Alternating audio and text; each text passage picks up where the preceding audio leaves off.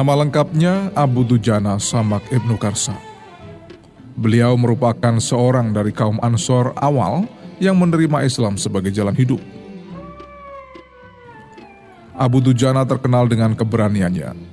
Sesuatu yang unik dan gampang diingat dari penampilannya adalah selalu memakai surban merah yang dililitkan pada kepalanya.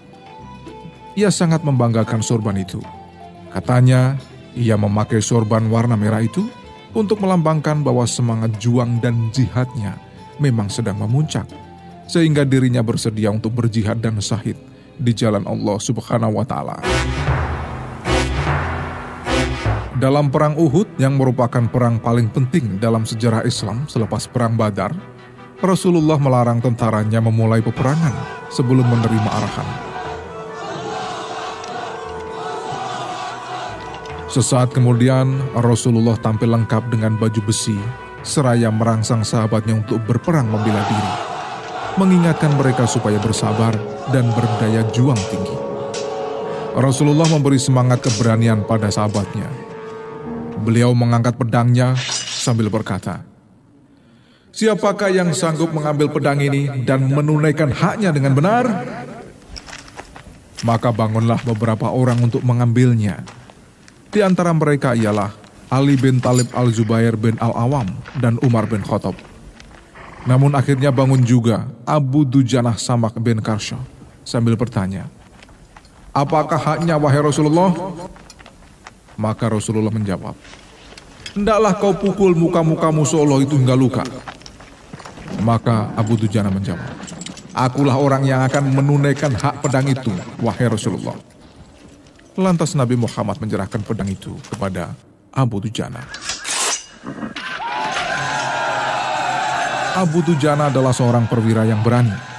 Ia bahkan selalu menyatakan dengan surban merahnya itu, ia akan berperang hingga tetes darah terakhir.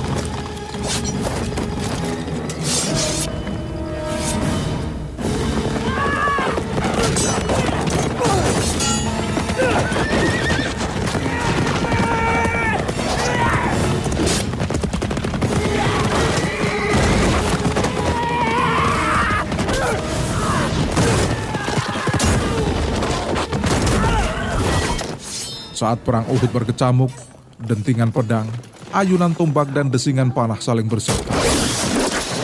Kondisi itu semakin diperparah dengan jeritan dan erangan sejumlah pasukan yang luka maupun tewas dalam peperangan. Beberapa jam perang berlangsung, semangat orang Islam semakin memuncak, hingga mereka terus menekan ke arah tentara musyrikin Abu Dujanah yang berada di garda depan terlihat melambai-lambaikan pedang Nabi sambil sesekali mengarahkannya kepada musuh. Sorban merah yang membelit kepalanya terlihat jelas di antara ribuan pasukan musuh.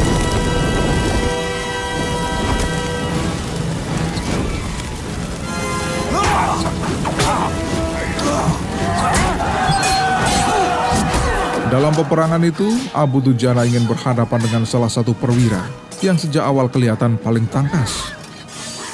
Dengan izin Allah, mereka berdua akhirnya bertemu. Masing-masing saling memukul dan mengayunkan pedangnya ke arah lawan. Pasukan musyrikin menghantamkan pedangnya pada Abu Dujana. Tapi lelaki bersorban merah itu sempat menangkis dengan perisainya yang menyebabkan pedang lawannya patah. Secepat kilat Abu Dujana mengayunkan pedangnya ke badan musuhnya tadi. Hingga menyebabkan dia terjatuh dan tewas seketika.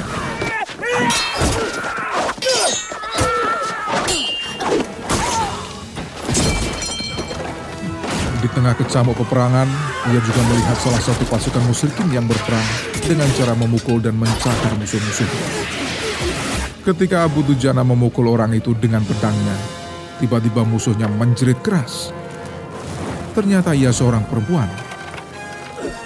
Melihat musuhnya sudah tidak berdaya, Abu Dujana ternyata batal membunuhnya karena menghormati pedang Rasulullah. Perempuan itu diketahui bernama Hindun binti Utbah.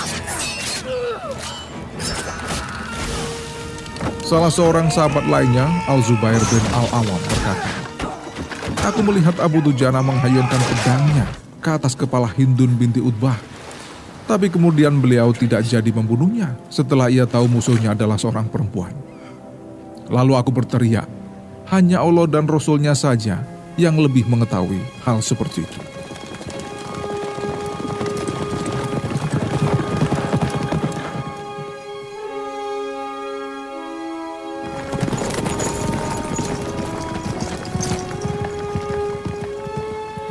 Pada awal peperangan, Rasulullah Shallallahu Alaihi Wasallam telah berpesan kepada para pemanah-pemanah supaya menjaga bagian belakang kaum muslimin dari serangan pihak musuh. Setelah beberapa jam berperang, kaum musyrikin mulai terdesak dan kaum muslimin ketika itu nampak seperti berada di ambang kemenangan.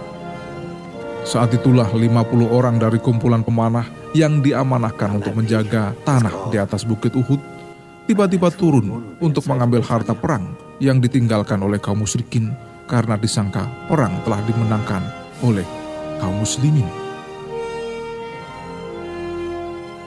Kaum musyrikin yang dipimpin Khalid bin Walid melihat keadaan itu. Mereka pun melihat celah itu serta langsung menyerang kaum muslimin dari arah belakang. Serangan balik itulah yang mengakibatkan kaum muslimin terpojok karena posisinya terjepit di antara dua kumpulan kafir Quraisy.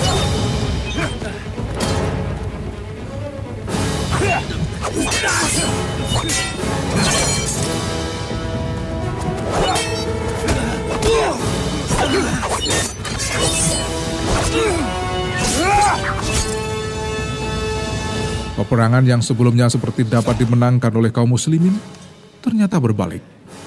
Kaum Quraisy, pimpinan Khalid bin Walid, akhirnya unggul. Bahkan beberapa kaum musyrikin saat peperangan berhasil mendekati Rasulullah Shallallahu Alaihi Wasallam dan mencederakan beliau.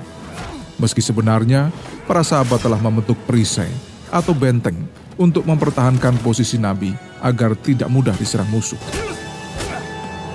Abu Dujana dan beberapa sahabat menerima banyak luka panah dan tikaman. Tapi mereka tidak sedikit pun bergerak dari posisinya. Mereka tetap melindungi Nabi Muhammad SAW. Hal itu membuktikan betapa cintanya para sahabat kepada Rasulullah, sehingga sanggup berbuat sesuatu yang bagi sebagian orang sangat tidak rasional.